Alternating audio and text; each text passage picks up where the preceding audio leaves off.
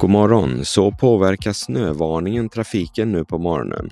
Dålig luft tvingar härberg att flytta och nödvatten och reservkraft. Så hanteras en kris i nordvästra Skåne.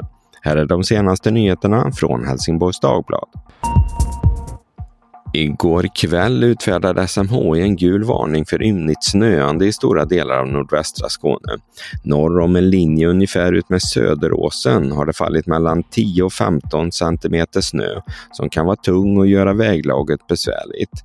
Nu på morgonen är exempelvis väg 21 kraftigt översnöad och de norra delarna av E4 i nordvästra Skåne är också drabbad av snön. På E6 ut med kusten ser det mycket bättre ut med vägbanor banor fria från snö. Trafikverket varnar för risk för halka på vägar i det inre av nordvästra Skåne. Strax före klockan sex var dock inga trafikolyckor inrapporterade. Det mesta tyder på att snön bara är tillfällig då nederbörden under förmiddagen övergår i regn.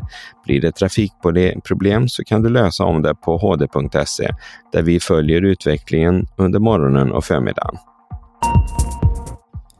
Den nattjour som finns i Ängelholm för att stötta hemlösa med tak över huvudet på nätterna har flyttat från Ängelholm till Munka Ljungby. Orsaken är att luften i lokalerna i Ängelholm var så dålig att facket begärde skyddsstopp av verksamheten. Situationen har nu gjort att Ängelholms kommun får betala dubbla hyror i nio månader eftersom det inte gick att ta sig ur det gamla avtalet. Vad sker i vårt samhälle vid en riktig kris? HD har frågat företrädare för viktiga samhällsaktörer som Öresundskraft, Helsingborgs lasarett och NSV om vilken beredskap de har och vad de gör när stora problem uppstår. NSVA har exempelvis planer för nödvatten, 4 liter per person om det tryter i kranarna. Det ska finnas på plats inom 72 timmar. På Helsingborgs lasarett finns reservkraft och planer för hur lasarettet lasarettet ska organiseras om. Akut verksamhet prioriteras för att nämna något. Också Öresundskraft, Trafikverket och media har planer som sätts i rullning om krisen kommer. Läs om allt på hd.se.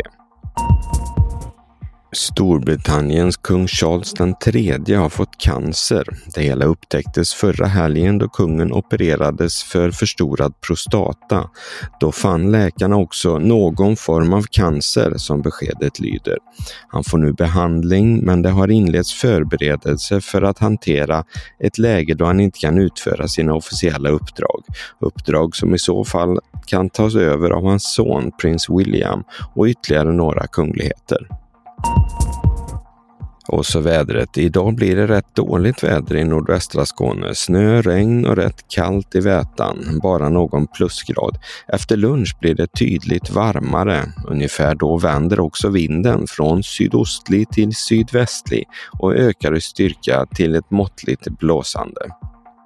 Det var allt från Helsingborgs Dagblad den här morgonen. I studion Peter Färm. Läs mer på hd.se. Vi hörs!